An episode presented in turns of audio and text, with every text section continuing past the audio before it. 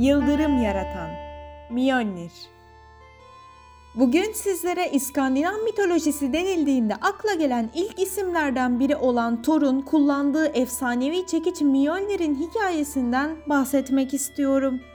Ama ondan önce hikayemizin ana kahramanları Thor ve Loki'yi kısaca tanıyalım. Thor, Odin'in kızıl sakallı oğlu, tanrıların en güçlüsü ve Aesir'in gök gürültüsü tanrısı. Loki, Marvel evreninde Thor'un üvey kardeşi olarak bahsedilmesinin aksine Odin'in kan kardeşi ve Asgard'ın en kurnazı, en zekisidir. Hikayemize başlayacak olursak Loki, bir gece Thor'un güzeller güzeli karısı Sif'in upuzun altın rengi saçlarını kökünden kopararak onu kel bırakır. Thor derhal Loki'yi bularak ondan hemen karısının saçlarını geri getirmesini ister ve eğer yapmazsa tüm kemiklerini teker teker kıracağını söyleyerek Loki'yi tehdit eder. Ama Loki bunu kendisinin yapamayacağını ancak cücelerin yapabileceğini söyler. Bunun üzerine en becerikli olduğunu düşündüğü cüceler olan Ivaldi'nin oğullarına yanına gider ve der ki Burada gezinirken biraz soruşturdum. Bana Brock ve kardeşi Aechlin'in en becerikli zanaatkarlar olduğunu söylediler.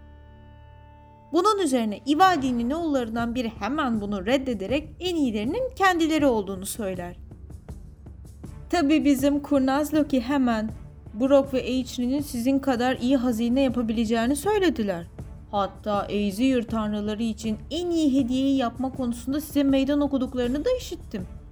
Hediyelerin en iyisine tanrılar karar verecek ama unutmayın ki bu hediyelerden biri upuzun, altın rengi, kusursuz bir saç olmak zorunda. Bunun üzerine Ivaldi'nin oğulları bu sahte meydan okumayı kabul edip hemen hediyeleri hazırlamaya koyulurlar. Sonrasında Loki, Brock ve Aechlin'in yanına gider.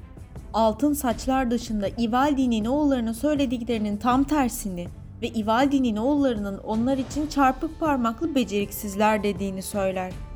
Ama Brock zeki bir cüceydi ve Loki'ye güvenmiyordu. Şüpheli bir şekilde Loki'ye bunun doğru olup olmadığını sorar.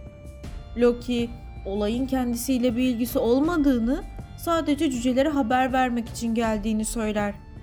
Bunun üzerine Brock, tanrılar için 3 hediye yapmayı kabul eder ama karşılığında Loki ile bir anlaşma yapar. Eğer yarışı Brock kazanırsa Loki'nin kellesini alacaktır. Loki bunu kabul eder. Artık tek yapması gereken Brock ve Aechlin'in kazanamayacaklarına emin olmaktır. Cüceler ocaklarının başına geçip hazineleri yapmaya başlarlar.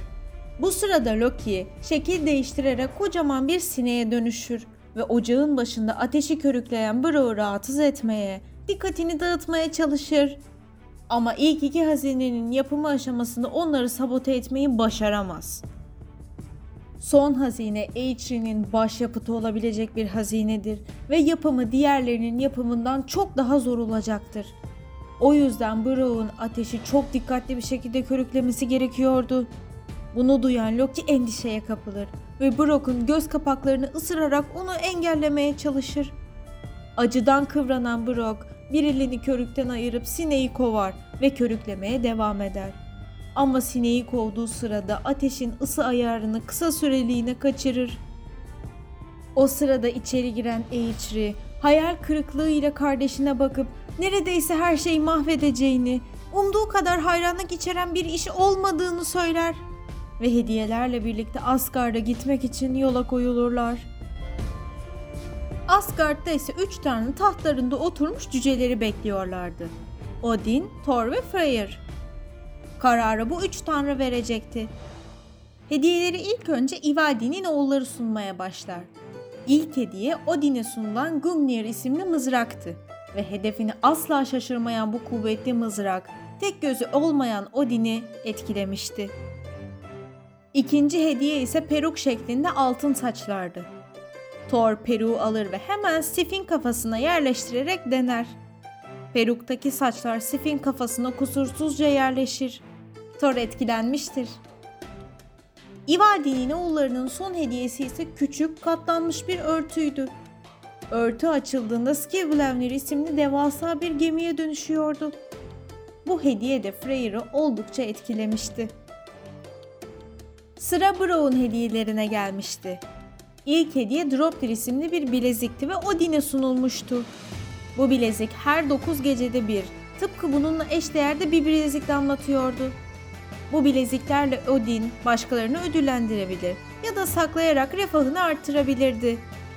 Odin bileziği incelediğinde mızrak için verdiği tepkinin aynısını vermişti. Etkilenmişti. İkinci hediye Freyr içindi. Arabasını çekmesi için gökte ve denizin üstünde bile hızlı hareket edebilen bir yaban domuzuydu. Asla yorulmayan ve yarı yolda kalmayan bu domuz Freyr'ı ziyadesiyle etkilemişti. Ve son hediye, Loki'nin sabote ettiği hediye. Yıldırım yaratan anlamına gelen Mjolnir isimli bir çekiç. Brock, Thor'un yanına giderek hediyesini sunar ama çekicin sapı normalden biraz kısadır. Brock hemen çekicin özelliklerini anlatmaya başlar. Bu çekiç ne kadar sert vurulursa vurulsun asla kırılmaz, hasar almazdı.